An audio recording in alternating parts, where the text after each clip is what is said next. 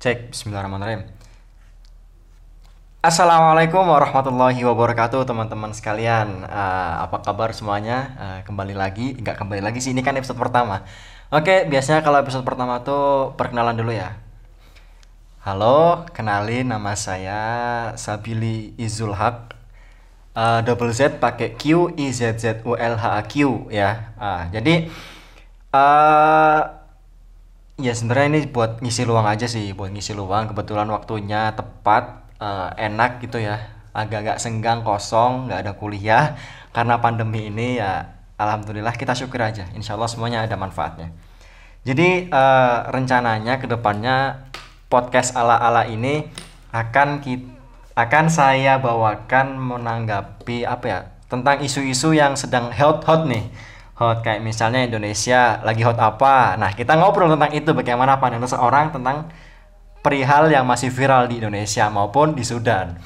Nah episode kali ini gua ada korban nih saya maksudnya. Saya ada korban. Korbannya itu teman saya sendiri. Dia seorang youtuber seorang public speaker. Instagramnya masya Allah luar biasa namanya adalah Dimas Muhammad Hanif Arkania Oke guys, alhamdulillah. Piye kabarnya Ya, bro? Alhamdulillah sehat. Eh, Gimana kabar ente sehat? Alhamdulillah mantap cuy. Mantap. Ah, Ini ini malam kayaknya nih kita malam yang pas ya. Karena satu tahun yang lalu bro yang bagi yang denger ya, ini adalah kita terakhir menginjakan tanah air. oh dari Soekarno. Iya dari Dari Soekarno. Soekarno. Ini, ini malam malam terakhir kita di Soekarno Hatta. Kalau sekarang jam berapa nih? Jam 8 ya? Jam 8. Jam 8 lah. Berarti udah udah udah flight kita kan? Ini kita Jam udah satu. flight dan gue pertama kali ya tahu Sabili pertama kali naik pesawat tuh ngapain. Jadi ya teman-teman yang denger nih ya. Kalau lu tahu Sabili pertama kali naik pesawat itu dia ngevlog. Wah, aib. Aib sumpah aib. Eh, ya, kali ini eh, nggak tahu nih yang jadi korban saya atau Dimas nih. Ya, jadi kita malam ini tuh tepat satu tahun meninggalkan Indonesia. Tepatnya jam 11 ya? Iya, Jam jam- 11 kita masuk gate pesawat, terus take off. Nah, sekarang di Indonesia mungkin jam 1. Nah, kalau videonya tepat nanti eh videonya. Kalau nanti podcast ini tepat masuk ke apa namanya? Kita upload tepat waktu berarti harusnya Besok. besok. Besok udah satu tahun Tanggal Sudan. tanggal 11 ya. Ya, tanggal 11. Nah, jadi nih korbannya gua apa lu? enggak, enggak jadi gini Bill. Jadi eh, seorang public speaker itu dia nggak penting dirinya. Nggak penting dirinya. Anjay. Yang so, penting- so profesional banget. Enggak Maaf jadi pak, nggak boleh ngomong anjay pak, dilarang pak, sama KPI. ya udah gue berarti anjir gitu ya jadi jadi gini Bil jadi public speaker itu eh, jadi lebih lebih baik menggali ininya menggali lawan bicaranya Oh, gitu. lawan bicara. Berarti Jadi saya walaupun- menggali walaupun, Anda ya? walaupun gua narasumbernya nanti gua, gua tanya balik gitu Bil Oh oke oke, berarti kita sama-sama saling mengorbankan. ya? saling mengorbankan Saling gitu. mengorbankan. padahal ini acaranya Bill ini kasihan ya Parah. Oke. Apa ya? Eh, setahun nih, setahun ya, setahun. Dari berangkat ke Sudan atau malah pas dari awal, dari awal sampai sekarang besok setahun, kira-kira apa yang masih ente ingat gitu loh? Masih- Pengalaman-pengalaman atau sesuatu yang tidak bisa ente lupakan dari berangkat sampai setahun besok. Oh, setahun, Kira-kira apa? tahun ini ya gua, gua pertama dari di Sudan deh di Sudan pertama adalah waktu pertama kali ke Sudan itu uh rasanya tuh ibaratnya angin tuh bukan spoil spoil lagi Biasanya angin bikin ngantuk gitu. angin bikin se- bukan kalau di Indonesia gitu kan apalagi kalau di kelas gitu kan angin sepoi sepoi bikin ngantuk gitu Bikin kan ngantuk, kalau tidur, ngiler. kalau di Sudan angin sepoi sepoinya itu bikin panas bikin panas bikin panas Oke, bikin panas. panas. Tuh, jadi karena waktu kita kan transit di Ethiopia ya. Iya. Ethiopia tuh ih dingin banget asli swear dah. Lu kalau ke Ethiopia balik ke Sudan ibaratkan lu apa lagi ke langit terus ke Sudan tuh ke bumi tuh panasnya minta ampun. sepanas apa pak Se- angin panas- Sudan tuh sepanas apa panas, kira-kira panas apa ya? Jadi lu tahu tuh lu pernah naik ke kompor tuh ya, deket lu kompor. lu naik kompor kompor lu naik. Eh enggak gini deh. Eh, lu kayak radiasi ke api unggun deh. Lu pernah nggak coba teman-teman yang eh, apa Sepanas itu? Ke waktu kemah api unggun gitu ya. Lu eh, jarakin deh 10 cm apa eh, 15 cm deh dari api unggun. Itu ibaratnya tuh di Sudan tuh kayak gitu. Tapi kalau lu eh, di Jakarta itu ibaratnya satu meter lah dari api unggun tuh saking panasnya gitu Panas itu ya? Yes, panas itu. Wow. Tapi kalau lagi musim panas ya, kalau lagi musim dingin ya lebih lebih dingin dari Magelang. Lebih dingin dari Magelang. Oke. Magelang. Kenapa harus Magelang, Pak? Kenapa Anda Enggak, menyebut soal- kata Magelang? soalnya di- dari sekian banyak provin dari sekian berapa 33 34. 34 34 provinsi. Banyak sekali kabupaten, banyak sekali desa. Kenapa Anda menyebut Magelang? Karena Pak? Magelang itu adalah kota bunga, guys. Kota bunga. Nah, Kenapa jadi harus kota bunga? ka- kalau lu pengen ngasih sesuatu ke seorang yang lu cinta itu pasti bunga. Asik. Iya enggak? Iya enggak? Karena gua dari apa gua ingatnya bunga adalah kota Magelang ya udah. Ingatnya Magelang gitu kan. Karena Ah. Padahal mungkin- padahal Bandung juga kota kembang. ya kota kembang tapi kan bunga. Ya kembang, sama bunga bedanya apa, Pak? kembang bisa jadi makanan kembang Ah. tahu kembang tahu tapi kalau bunga bunga beneran nggak tahu kalau bunganya ada bunga citra lestari bunga siapa gitu kan itu yang pertama pertama kali sudah terus yang kedua mungkin si Billy nih tahu ya teman-teman jadi waktu pertama kali kuliah itu adalah pertama kali gue semangat banget tuh kuliah Oh, pas Ya. awal-awal Iya. kuliah. Ah, jadi gua ngeliat itu adalah da- jadwal jam 7 di Koah Yahya. Oh, jam 7 di Koah Yahya. Di Koah Yahya. Nah, sampai ke Fakultas Syariah karena gue di Syariah ya, Bro. Sama Billy juga di Fakultas Syariah ya. Itu satu orang-orang yang ada situ tuh kita tanya semua, "Eh, Bro, lu tahu nggak nih Koah Yahya di mana?" Itu satu nggak ada satupun orang yang tahu Koah Yahya gimana di mana letaknya kayak Oh, itu gitu. tanya yang sama Tuh, orang Indonesia ya? Sama orang Indonesia sama orang yang luar Indonesia. Indonesia juga kita tanya. Akhirnya si lu ya, lu bil jadi bingung. Ah, lu kayaknya salah jadwal nih. Saking gua semangatnya gua bilang apa? Kagak, kagak gua kagak salah jadwal. Akhirnya si Billy nih, Billy nih, lu ini ya ngecek ya Bil. Ngecek, ngecek. Akhirnya apa? Akhirnya Jam 9. Ternyata mulai jam 9 dan posisi kok ayah ya itu salah. Kok ayah ya harusnya itu di Putri. Parah itu, sih. itu Parah, parah, parah. itu nyari kok aja setengah jam. Nyari untungnya, setengah untungnya kita salah jadwal. Kita mulai jam 9, tapi kalau di Putri waktu itu jam Jam jam, 7 tujuh, ya. iya, Akhirnya ada waktu tujuh. selang berapa jam lagi gitu kan. Oke. Saking, saking pertama kalinya Kak pengen kuliah gitu. Itu yang kedua. Yang ketiga mungkin pertama kali ngeliat Sungai Nil ya. Oh, Sungai Nil. Sungai Nil. Sungai Nil. Jadi teman-teman, lu di Sudan, lu bisa ngeliat. Bentar, bentar.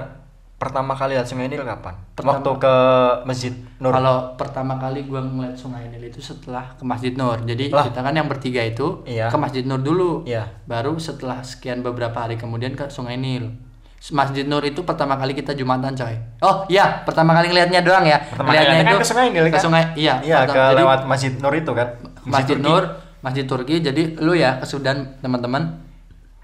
Eh, kalau lu pengen lihat masjid Turkinya di Sudan itu ada di namanya Majma'an Nur. Nah, kalau kalau mau ke sana itu lewat Sungai Nil gitu kan. Nah, pertama Sungai kali gua ngeliat Sungai Nil di Sudan itu di situ. Tapi pertama kali gua beneran ngeliat Sungai Nil itu di buku IPS. lu lihat buku IPS, lu sungai terpanjang di dunia itu Sungai Nil. Nah, itu pasti pertama kali lu ngeliat Sungai Nil tuh di situ tuh. Oke. Kalau nggak di buku IPS Di Google. Di, Google. nah, Memang segala ada di Google tuh. nah, tapi alhamdulillah Allah karuniain tuh. Akhirnya gue pertama kali ngelihat Sungai Nil fix. Pertama kali beneran tuh waktu di Sudan. Diajak sampai kakak kelas gue namanya Rifan itu ya. Itu sampai buat cerita gitu. cerita di Google-nya. Lu lihat aja Zuhair Ferry itu cerita-ceritanya tuh ada di situ tuh. Oke. Sambil kata-kata motivasi Wah. bisa tuh di situ tuh. Luar biasa memang. Terus Gitu. nih, eh, apa ya?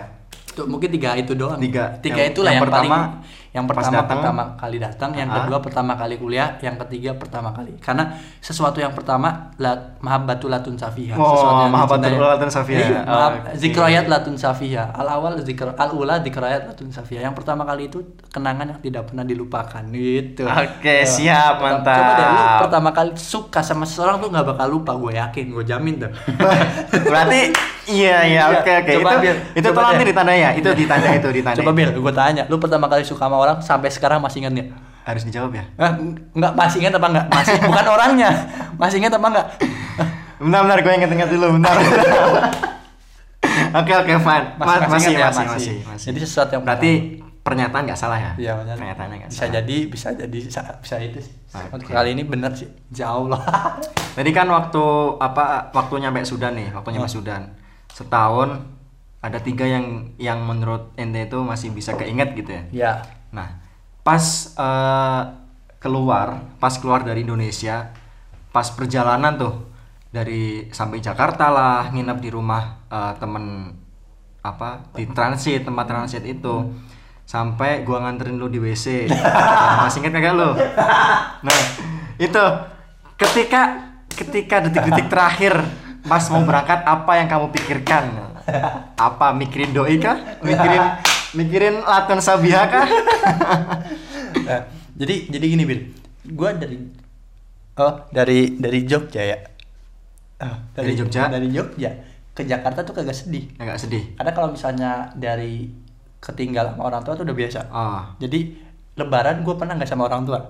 Ya terus dari SD gue dari Jakarta ke Solo tuh sendiri naik kereta dari SD dari SD dari SD, dari SD Jakarta kelas enam. Solo. Jakarta Solo naik kereta Argo Dwi Pangga. Itu sendiri. Oh, masih ingat Argo Dwi Pangga guys. Karena pertama kali. Oh, pertama kali. Ya Latun Latun Sabiha Itu pertama kali. Nah dari Jakarta dari Jogja ke Jakarta tuh gue gak ada sedih-sedihnya tuh. Nggak ada paling ya sedih-sedihnya. kalau kangen ya mungkin wah berapa mikirnya wah berapa kali ya nanti kapan lagi gue ngeliat orang tua Hmm. lagi gitu kan. Masuk. Masuk gitu. Terus akhirnya ke Jakarta. Nah di Jakarta tuh kan lu ingat sendiri kan ada sebenarnya gua kalau mau kabur dari tempat transit itu ke tempat eyang gua itu bisa banget. Jaraknya kalau di MBS itu ibaratnya di MBS terus eh, jak- jarak rumah eyang gua tuh di di Adi Sucipto Adi Sucipto itu deket banget tuh. Lumayan. Deket banget tuh. Nah akhirnya ya udah karena gue setia kawan gak mau ninggalin Sabili Cie. karena ini bro lu baru tahu kan gua kasih tahu ya Sabili pertama kali ke Jakarta itu waktu pengen ke Sudan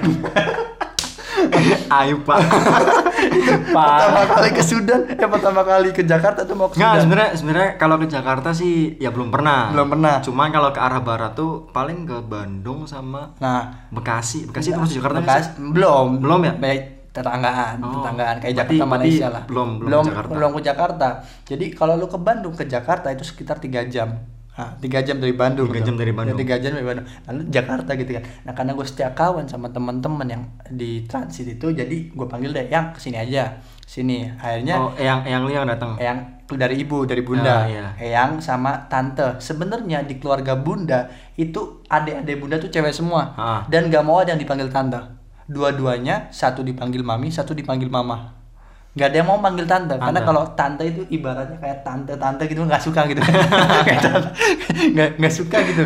Nah akhirnya dari situ gua gua mulai mikir tuh udah mul- mulai karena kan kita nggak boleh bareng sama ini ya nggak boleh Iya, bareng sama nggak keluarga ya iya. karena harus bareng-bareng sama teman-teman ya biarin Iya. adil gitu Satu- kan Iya, satu satu mobil. satu mobil biarin adil semua walaupun ada keluarga ya udah dari situ gue udah mikir aduh Eh tapi kayaknya ada sih tuh sih ikut sampai enggak mungkin ikutnya boleh tapi kita tetap Oh, harus di, di mobil, helm, di ya. mobilnya sama bareng-bareng kan.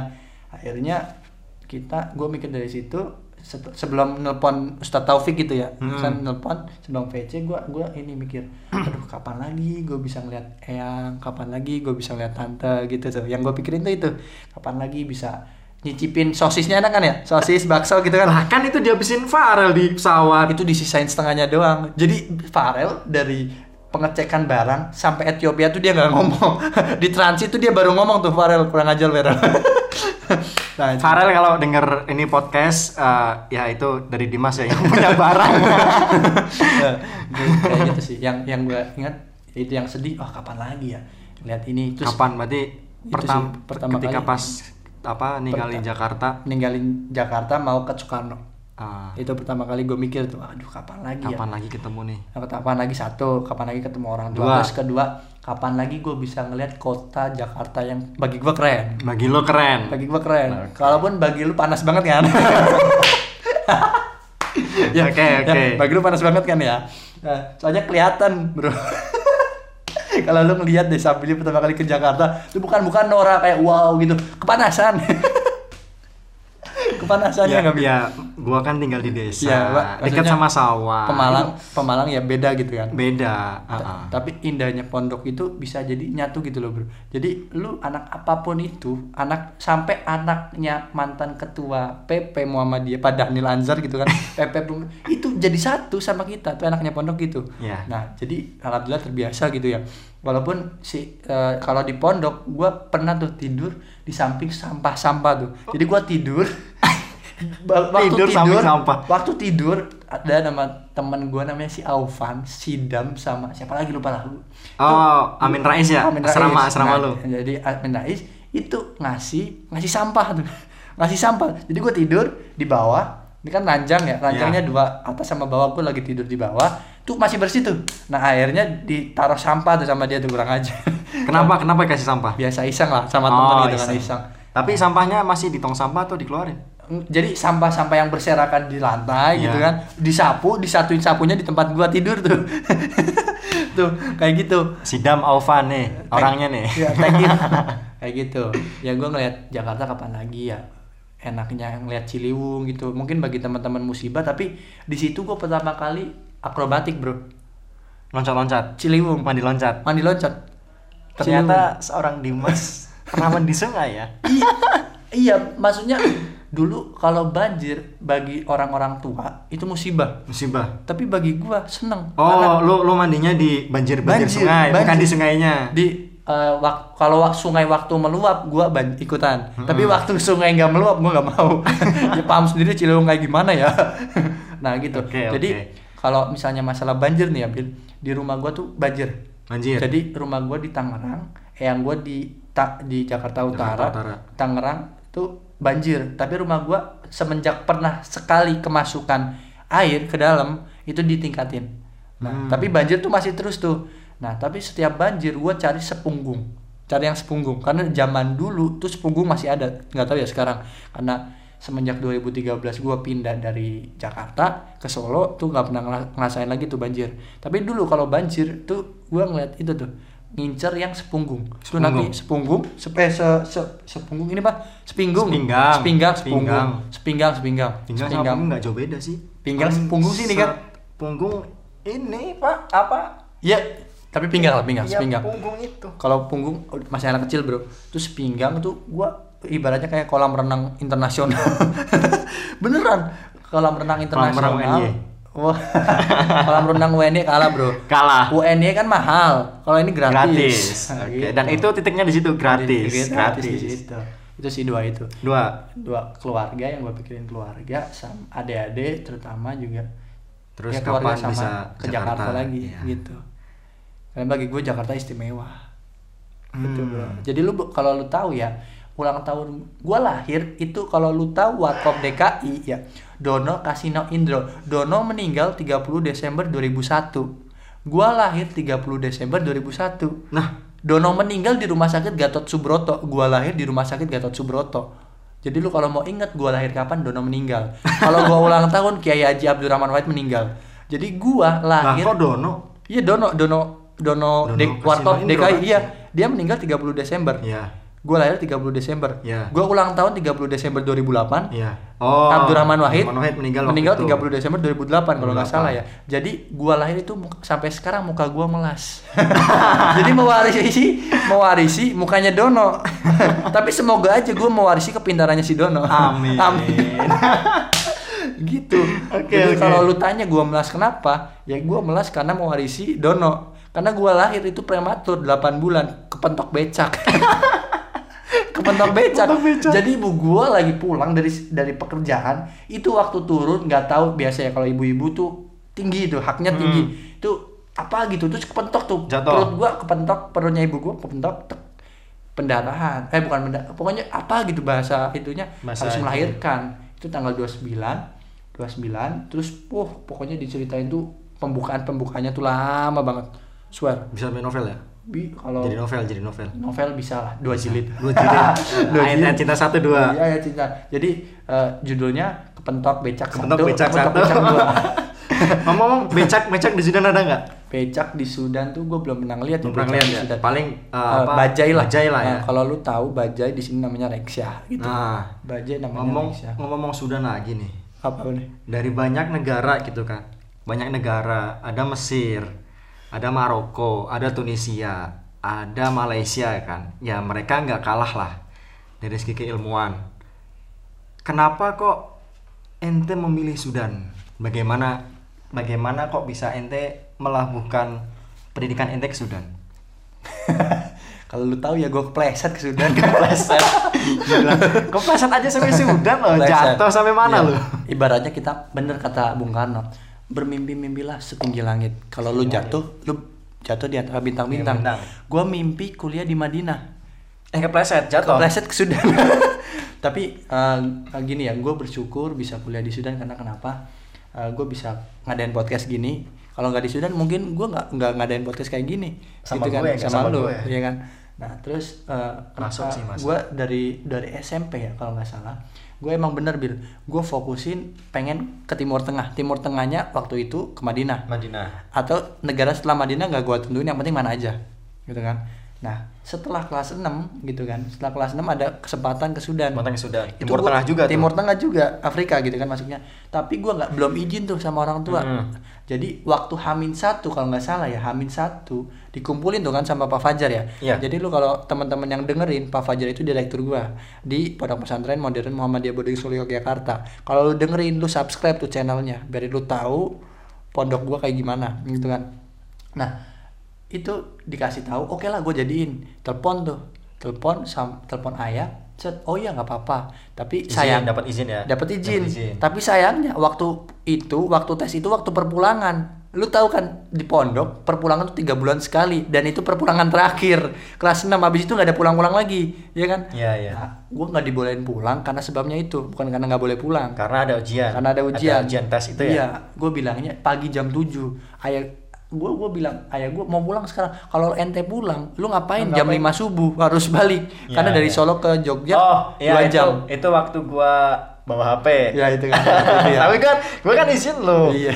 Dim, ini gua bawa HP soalnya HP gua rusak. Besok mau dibenerin ke mana ke counter itu kan. Eh, jangan nanti ada Mas Febri Mas Febri lu dengerin ini ya bang Mas eh, kita friend ya Kita friend ya, Mas, kita friend ya. Ah, nanti ada Mas Febri Mas sebenarnya gue tahu teman-teman pada bawa HP cuman mohon maaf bahwa waktu itu nggak ngomong terus terus terus. nah ya udah dites habis itu Pak Fajar gitu kan ngomongnya yang banyak nanya yang yang, Yang lolos masuk, yang oh, lolos. lolos. tapi kalau Darullah gue kayaknya nggak nanya deh Bil kayaknya nggak nanya kalaupun nanya emang emang nggak nanya sih, nggak ada yang nanya. Farel Farel nanya Farel doang. Zia juga nanya Iya. Zia nanya Fikri nanya Fikri, Fikri, Fikri nanya. Fikri kayaknya nanya Nanya. lupa gue kayaknya Tahu. Fikri nanya pokoknya ada yang nanya gitu kan Itu itu juga dikasihnya kan terakhir pas mau udah iya terakhir itu kan. dikasih yang terakhir Ini iya dikasih tahu sama Ustadz Fajar kan, ini yang nanti yang banyak tanya yaitu yang masuk gitu Oh, kan. kalau lu mungkin dengernya itu, tapi dari gua awal masuk,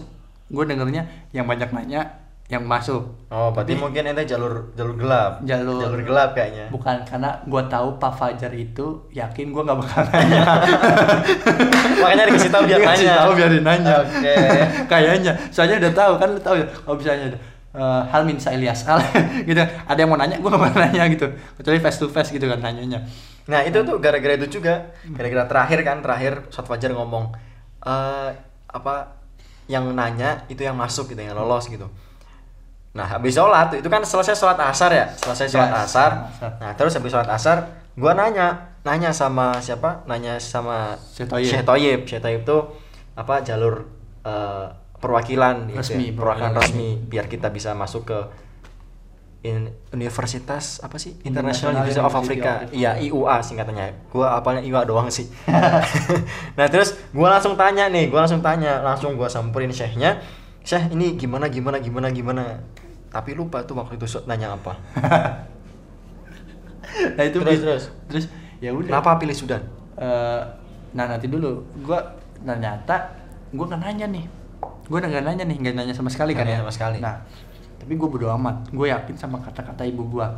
Kalau lu yakin 100% tapi bahasa ibu sama anak ya sopan ya. Ya kalau lu yakin 100% ke Sudan ya udah bunda yakin kamu keterima bunda gue nggak tahu pakai ilmu apa ya ilmu yakin ibu gitu ya karena emang bunda itu mungkin ya wan bagi gua wanita terbaik gitu kan Iya. kenapa kenapa kenapa gue di SMP tuh termasuk yang nakal Maksudnya yang nakal di Bill. Jadi teman-teman yang non yang dengerin podcast kali ini tahu nama gua, satu pondok sama gua, satu angkatan sama gua, itu tahu pon nakalnya gua kayak gimana. Sampai gua kena SP Bill, SP2.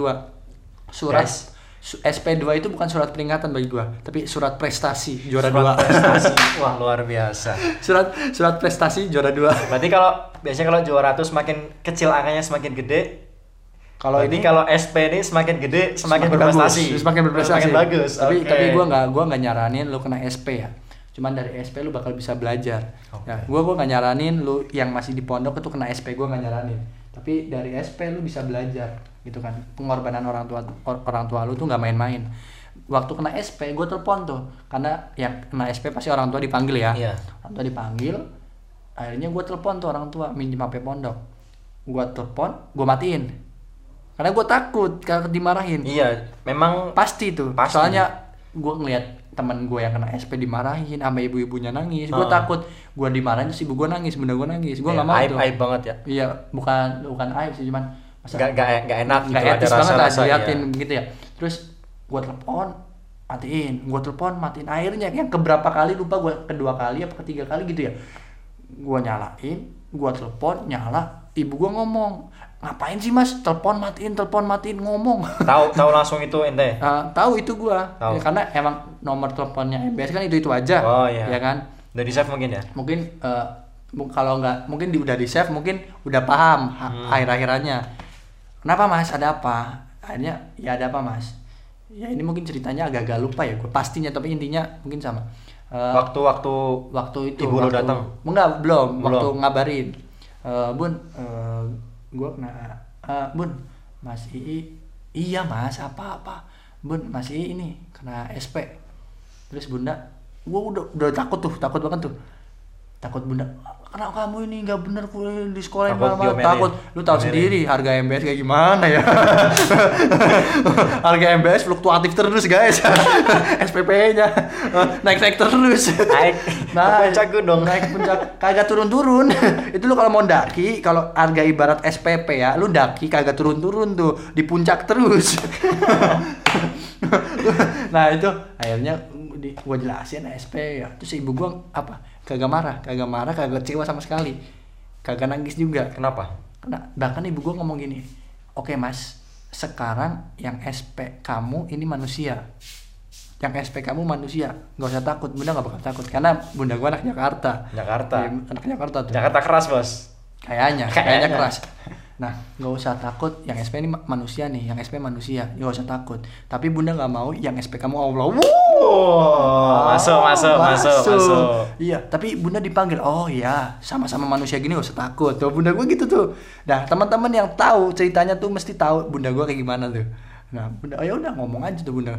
Oh, ketemu aja, ketemu yang lain, yang lain dia dimarahin, ibu gua masuk, eh, biasa aja pulang-pulang, bun, kok nggak nangis sih bun? Ngapain gua nang, ngapain? Cengeng ah, gitu ya. Enggak, enggak, ngapain nangis? Ngapain nangis? Yang salah kamu kan, iya kan?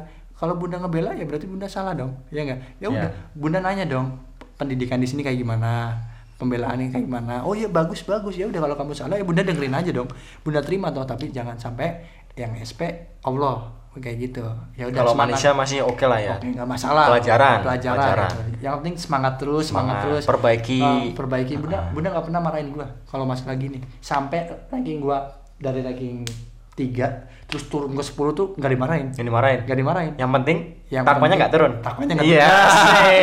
iya, itu. Tuh ben lu gimmicknya dapet. Kayaknya Billy waktu gua ngomong tuh mikir tuh, mau mikir mau ngomong apa ya. Untung nggak ada video. gitu. Nah, kenapa kesudahan yang pertama ya gue dapetnya di situ Bill. Dapat nah, jadi Dapat keyakinan bisa dapat masuk keyakinan. ya. Jadi gini, kan kita setelah setelah ujian itu kan ada selang waktu kita tahfidz Quran ya. Iya. Kalau Quran kan lu pulang duluan gua bagian ashabi kunal akhirul gitu kan. Karena saking rajinnya, Iya. saking rajinnya setoran baru nyuntasin di akhir. Akhir. Nah, padahal gue nyetor 2 jus belum pernah belum pernah pakai arti. Jadi lu bayangin nyetor 3 jus sekaligus pakai artinya 5 jus tuh bayangin. itu Nah, dalam itu waktu emang emang tapi perlu ta- sih. Tapi gua ngebut sih Bil Perlu waktu ya. itu ada dua, dua kan dikasih dua satu bulan full ya Iya. gua dua minggu satu minggu setengah tuh udah habis selesai gue paksa tuh pagi malam siang gua paksa terus pokoknya cepet nah waktu gue pengen pulang ketemu tuh sama Opan boncengan sama Ovan boncengan ketemu kodarullah ketemu Pak Fajar Mm-mm. Pak Direktur ngapain pulang diwawancara dulu Oh, Besok- belum wawancara.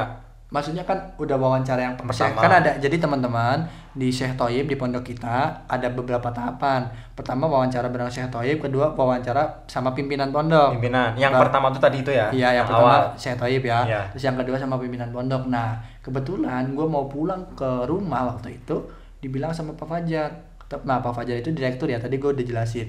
Eh, besok eh, lu ini eh besok ente ujian ya wawancara. Oke dah Wawancara. gue wawancara tuh. Gue minta doa gue minta doa akhirnya wawancara selesai. Nah waktu malam-malamnya waktu malam kapan gitu ibu gue bilang gini mas bisa nggak? Coba deh. Lagi bercandaan sih sebenarnya. Bisa nggak? Kamu maju waktu wisuda. Gitu kan kayak adik gue kan anak basket ya. Basket. dia wisudawan terbaik non akademik. Udah bela Jawa Tengah. Jawa Tengah. Mau lulus timnas gak lolos gara-gara kakaknya Jakarta. Iya. ya kan tahu kan ya? Terus bisa nggak mas? Yang penting bisa maju aja. Oh ya bun. Padahal doa gue gitu Bil. dari awal gue kelas 6 gue bilang gini ya Allah gue gue pengen nih ya Allah gue pengen eh, gue maju waktu wisuda. Apa aja deh karena bagi mungkin gue mikirnya waktu itu teladan gak mungkin. Teladan nggak mungkin. Susah susah teladan susah. Terbaik gak mungkin. Karena lawannya lu lu tau lah lawannya siapa. Ya, manusia nggak pernah salah. Ranking satu terus. Dari zaman kelas 1 sampai kelas 6 ranking satu Prestasinya terus. parah ya? prestasinya parah. Terus semoga lu kuliah food namanya Mahfud lu ranking satu juga food emang kuliah ada ranking satu gitu? Ya semoga aja. Kumlot ya, laude. nah ya udah gue doa aja ya Allah. Nah akhirnya Allah ngejabain apa? Akhirnya Allah ngasih Allah ngasih Allah ngasih ini ngasih waktu gue maju wisuda itu apa? Gue maju wisuda waktu pengumuman lulus ke Sudan. Lulus ke Sudan. dan pertama kali gue gue ter- eh, tertegun tuh apa? Ngeliat Sabili bro. Jujur jujur. Lu lihat di YouTube Parah. di YouTube-nya MBS Jogja itu nama gue yang disebut. Nama gue yang disebut dan waktu itu gue meluk lu kan Iya nggak? Iya, Meluk- di kenapa? depan kan? Di depan. Di depan. Eh, kenapa? Gue tertegun coy. Kita bisa bareng lagi gitu kan. Kita oh ya bisa. btw gua sama Dimas di pesantren seangkatan ya Ya satu angkatan. Satu angkatan dan mungkin ada sesuatu hal yang me- menyebabkan Billy datang tapi belum bisa untuk maju bareng-bareng gitu kan. Nah, Iya. akhirnya waktu maju Billy maju bareng-bareng. mungkin bisa kita diskusikan pada lain Oh kesempatan ya. Nah, waktu maju, maju bareng, nah gua gua tertegun itu, gua bisa bareng Sabili. Gua peluk Sabili waktu itu. Wah, pertama kali ya gua peluk Sabili, padahal itu ada Helmi gitu kan. Sa- Ada Helmi. Ada itu, peluk salaman, set. Nah, gua tertegunnya di situ, bisa bareng lagi sama lu semua gitu. Gitu, Bil. Hmm. jadi ada keyakinan dari dalam gitu ya Ada keyakinan, dari orang tua dari orang tua udah meyakinin dan gua yakin 100% dan Yalah, gini. kalau orang tua yakin gas lah gas yakin gas gas gas ridho Allah ridho orang tua Ah, dan kalau lu mau impian lu bak tercepat apa di, eh, dicepatin gitu ya. diwujudin sama Allah Subhanahu wa taala doa lu doa orang tua doa keluarga itu sama. Kalau lu mau naik haji doa lu doa orang tua semuanya harus sama. Oke. Gitu. Kalau dari gua sih gitu. Ngomong-ngomong kita tadi masalah Sudan terus Indonesia gitu ya. Sudan Indonesia itu jaraknya itu eh, beda benua gitu beda benua. Nah ini pertanyaan pamungkas nih Dimas kalau nih kalau Dimas nih Pamungkas guys nih ibarat Bambang Pamungkas nih agak terakhir nih biasanya skakmat nih lu lu awas aja nanya jodoh bil awas aja Enggak, enggak, gua gua enggak mau gua enggak, enggak nanya kapan lu nikah, kapan lu Aduh itu udah pertanyaan-pertanyaan lebaran lah itu biar keluarga lu aja yang nanya. biasanya Sudan- tapi gua kalau lebaran gua nonaktifin data seluruh sih enggak ditanya. Oke, jadi Sudan itu benua Afrika. Ya kan? Afrika, Timur Tengah. Betul. Indonesia itu benua Asia, Asia Tenggara tepatnya. oh, siap. Heeh. jadi yang mau tanyakan itu oh ya informasi dulu nih informasi dulu. Dimas nih Dimas ya guys itu dia statusnya long distance relationship. Lungo dewe rapopo LDR gitu ya. Pertanyaan gua nih pertanyaan dua. Lu kan orang-orang yang LDR nih orang-orang LDR sama orang tua sama emak bapak ya tadi orang tua ya. Sama guru adik saudara-saudara gitu. Sama terutama tuh itu sama doi lo. Gimana apa gimana ente bisa percaya terutama sama doi ya ini ini gue percaya garis bawahi ane lingkaran ane stabilo doi ya. Kenapa kok kenapa ente bisa yakin kalau lo bisa melewati semuanya itu berdua? Aduh udah kayak sinetron banget.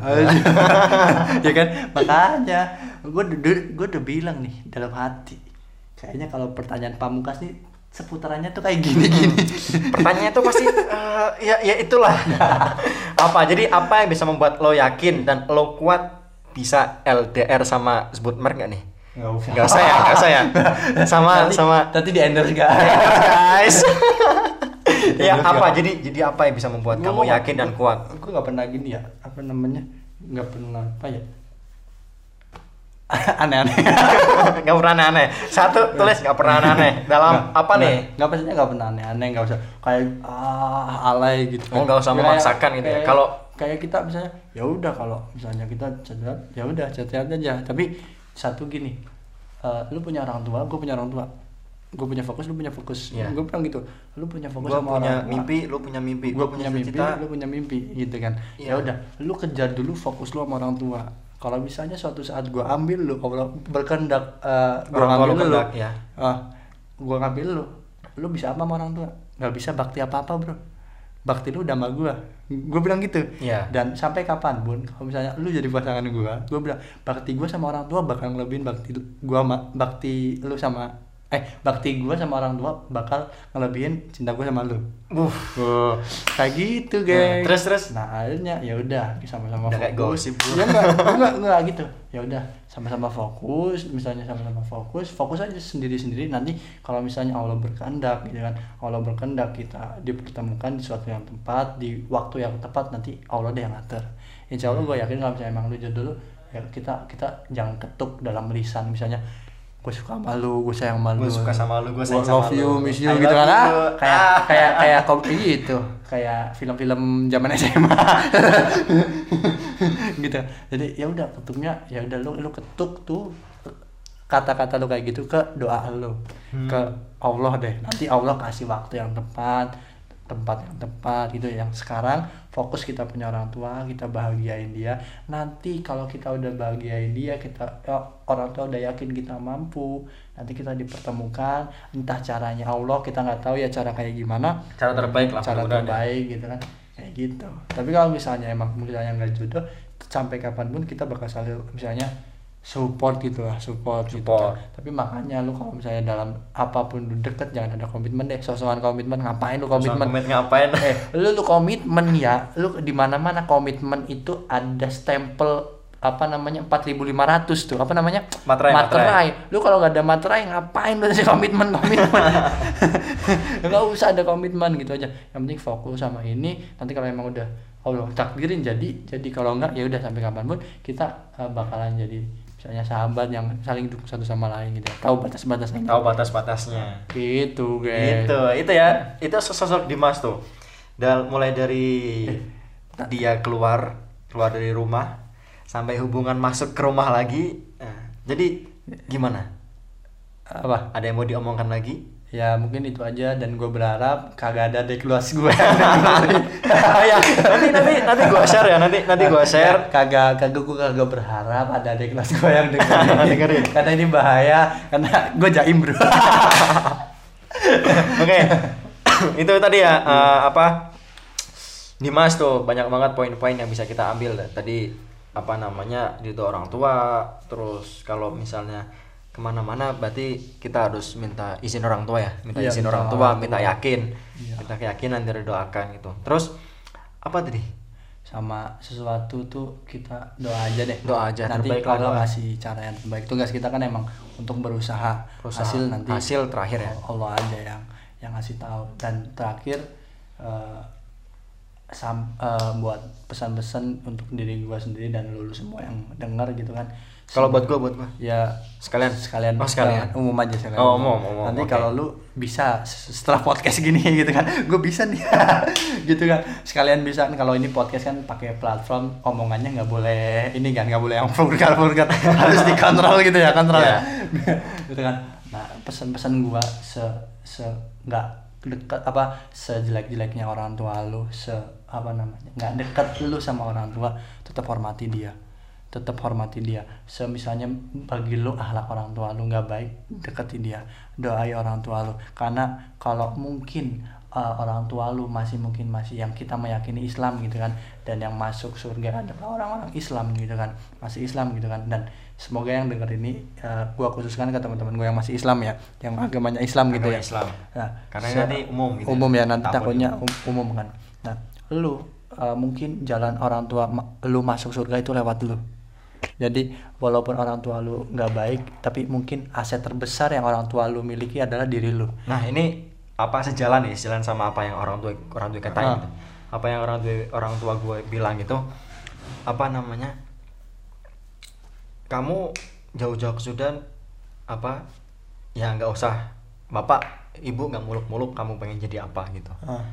bapak nggak muluk-muluk kamu jadi apa misalnya kalau misalnya eh, ke Sudan kan kecil kemauan jadi pilot jadi Oh, dokter dan oh, sebagainya gitu ya tapi yang orang tua gue apa orang tua gue tekanin itu semoga dengan gue pergi ke Sudan ini jadi wasilah buat gue jadi orang anak soleh gitu Hmm. karena apa setelah gue pikir-pikir ya memang kado terbaik orang tua itu ya Anak anak, soleh, soleh gitu iya. karena kan emang ada hadisnya tuh Iya. ada hadisnya kan waladin solihin ya do'olahu gitu Ah, kan iya. itu adalah salah Sama- satu dari tiga amal yang tidak akan terputus Iya, betul. iya kan Betul. jadi anak soleh itu yang mendoakan orang tuanya gitu Nah. gimana orang mau mendoakan orang tuanya gitu kan Iya. sedangkan dia nggak tahu bagaimana dia menjadi baik kepada orang tuanya bagaimana ia menjadi baik kepada keluarga keluarganya bagaimana ia beradab kepada keluarganya kepada orang tuanya itu kan salah satu wasilahnya kan di situ Ya betul. Ya kalau seandainya kita nggak bisa jadi pilot di dunia, kita bisa kok nganterin ibaratnya pesawat itu adalah keluarga, pilot itu kita. kira itu kita uh Nah gitu kan. Penumpangnya adalah keluarga keluarga kita. Iya, kita bisa nganterin dari take off dari Siratul Mustaqim gitu kan ke surganya Allah Subhanahu wa taala. Jadi sampai kapan pun lu ngelihat orang tua lu belum baik, deketin dia, doain dia, doain dan kalau lu berilmu, orang tua lu nggak berilmu, ingat bro, adab di atas ilmu. ah siap Ya. Al- apa Uh, a- a- a- pokoknya adab di atas ilmu. Uh, Jangan sampai karena keilmuan lu lu nggak beradab sama orang tua, Bro. Karena orang tua jejak itulah. Lu lu ada karena orang tua lu kerjasama. siap siap Gitu sih. Kerjasama. Orang tua, pokoknya orang tua. Lu sukses sampai kapan pun lu sukses jadi direktur, lu adalah seorang anak Mm-mm. di hadapan orang tua lu. Kayak gitu. Jadi sedewasa apa pun lu lu tetap anak kecil lu di mata orang tua ya kecil di orang Ya, tua itu itu di orang luar tua, biasa orang gitu. tua guys sampai kapan pun orang tua dah orang tua lu sukses untuk orang tua lu lu banyak pahala banyak bermanfaat juga nanti baliknya ke orang tua karena lu adalah aset terbesar bagi orang tua lu satu yang kedua terakhir bro dalam kita mau bermanfaat ke orang lain gitu kita harus bergerak gitu. Bergerak. ibaratnya gue kalau gue dalam IG live ya ini selalu mungkin karena gue belum dapet jatah yang lain ya cerita yang bagus. Ya belum cerita cerita yang bagus yang menyentuh hati gitu ya menyentuh hati lagi. Aja gini kalau lu mau ber, kalau lu mau nilai lu bagus value lu banyak value lu bermanfaat banget sama orang lain bergeraklah. Ibaratnya apa? Seorang nelayan di Jepang. Karena mencari ikan karena konsumsi ikan di Jepang itu sangat tinggi Tinggi. nah nelayan kalau mau nyari ikan itu di tengah lautan di tengah lautan ada filosofinya nggak tuh nah itu gue ceritain jadi kesuksesan sama dengan hiu kecil hiu kecil kesuksesan sama dengan hiu kecil. Ah, kenapa? Karena kalau lu nyari ikan di tengah lautan, jadi nelayan Jepang, ngambil ikan, terus balik ke daratan, gitu kan? Ikan-ikan itu bakal leot, loyo. Harga jualnya nggak bakal mantap, nggak bakal berkualitas, ya? nggak bakal Tinggi. tinggi, Rendah. rendah. Ikan-ikannya kualitasnya juga masih rendahan gitu kan, karena udah udah dikit lagi mati. Hmm, Tapi udah, udah, ya. Nah, akhirnya nelayan itu berpikir dan menemukan solusi apa? Sebelum dia berangkat ke tengah lautan, dia punya tempat gitu kan, tempat gitu kan, tempat untuk khusus di perahu itu. Perahu. Ketika selesai, naro ikan-ikan gitu kan, ikan taruh di tempat itu dan ditambahi ikan hiu kecil.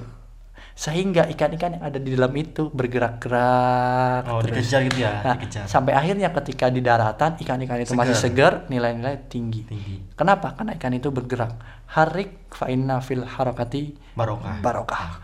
Bergeraklah karena setiap pergerakan itu insya Allah ada keberkahan keberkahan gitu.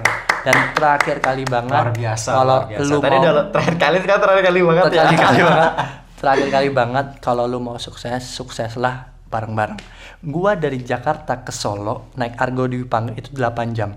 Jaraknya 500 km tapi dari Jepang di Jepang kotanya jaraknya antara kota Jakarta ke Solo cuma dua jam. Karena kenapa? Yang menggerakkan kereta kalau Argo Dwi Pangga itu cuma, satu, depan. Satu depan doang. Tapi kalau di Jepang itu setiap gerbong menggerakkan gitu kan. Oh. jadi kalau lu Ilmu mau sukses cepet kalau lu mau sukses cepet sukseskanlah banyak orang biarin pergerakan kesuksesan lu cepet juga. Kesuksesan belum berarti bahagia. Tapi kalau lu udah membahagiakan banyak orang dengan cara lu yang halal itu lu bisa bahagia dengan sebenar-benarnya bahagia. Dan eh, quotes gue terakhir sebelum menutup eh, biarkanlah dalam perjuangan banyak orang yang menghina lu. Biarkanlah dalam lu meniti karir banyak orang yang menghina lu. Biarkanlah lu dalam belajar banyak orang yang meragukan lu tapi lu harus yakin di mana lu berada di situlah karya-karya kebaikan lu berada. Di mana lu berada di situlah kebenaran-kebenaran lu tegakin. Syukuran gua Dimas Muhammad Hanif Arkan. IG gua Dimas underscore HNF YouTube gua Hanif Arkaan. Monggo di subscribe monggo di follow kurang lebihnya mohon maaf last to be hoyer minkum Oke, itu ya tadi tuh karena Dimas apa dia meng apa sih mempromosikan Instagram ini lu bayar ke gua. lu udah udah Instagram, udah YouTube. Nah, itu nanti lu bayar ke gua. tapi oh ya udah nggak apa-apa tapi lu hitung gua ngomong per menit 10 Weh. juta ini gini nih motor duitan nih kayak gua duitan oke itu eh, itulah eh, sosok Dimas Muhammad Hanif Arkan nanti judulnya apa ya? Judulnya ya nantilah kita pikir satu tahun di Sudan aja. Satu tahun di Sudan ya. Oke itu tadi narasumber kita yang pertama korban kita pertama dan gua akhirnya nggak jadi korban di sini. Gua yang mengkorbankan Dimas ya. Oke terima kasih guys sudah mendengarkan podcast yang sangat lama ini. Enggak sebenarnya apa ya? Ya namanya kita juga berkarya berkarya.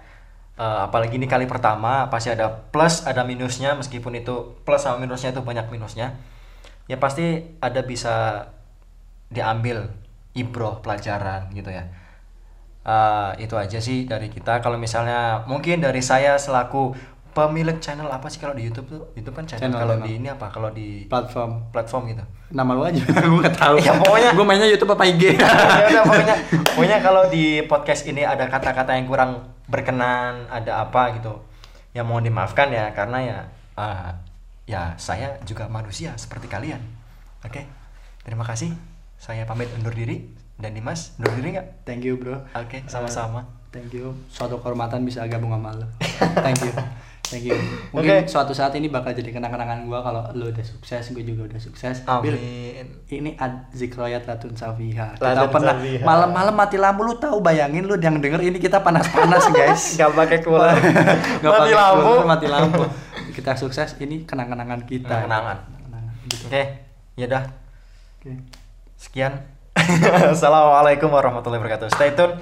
Kita nanti insya Allah akan melanjutkan ke podcast, podcast dan narasumber lainnya. Assalamualaikum. Salam lagi kan? Yaudah nggak apa. Assalamualaikum warahmatullahi wabarakatuh. Waalaikumsalam warahmatullahi wabarakatuh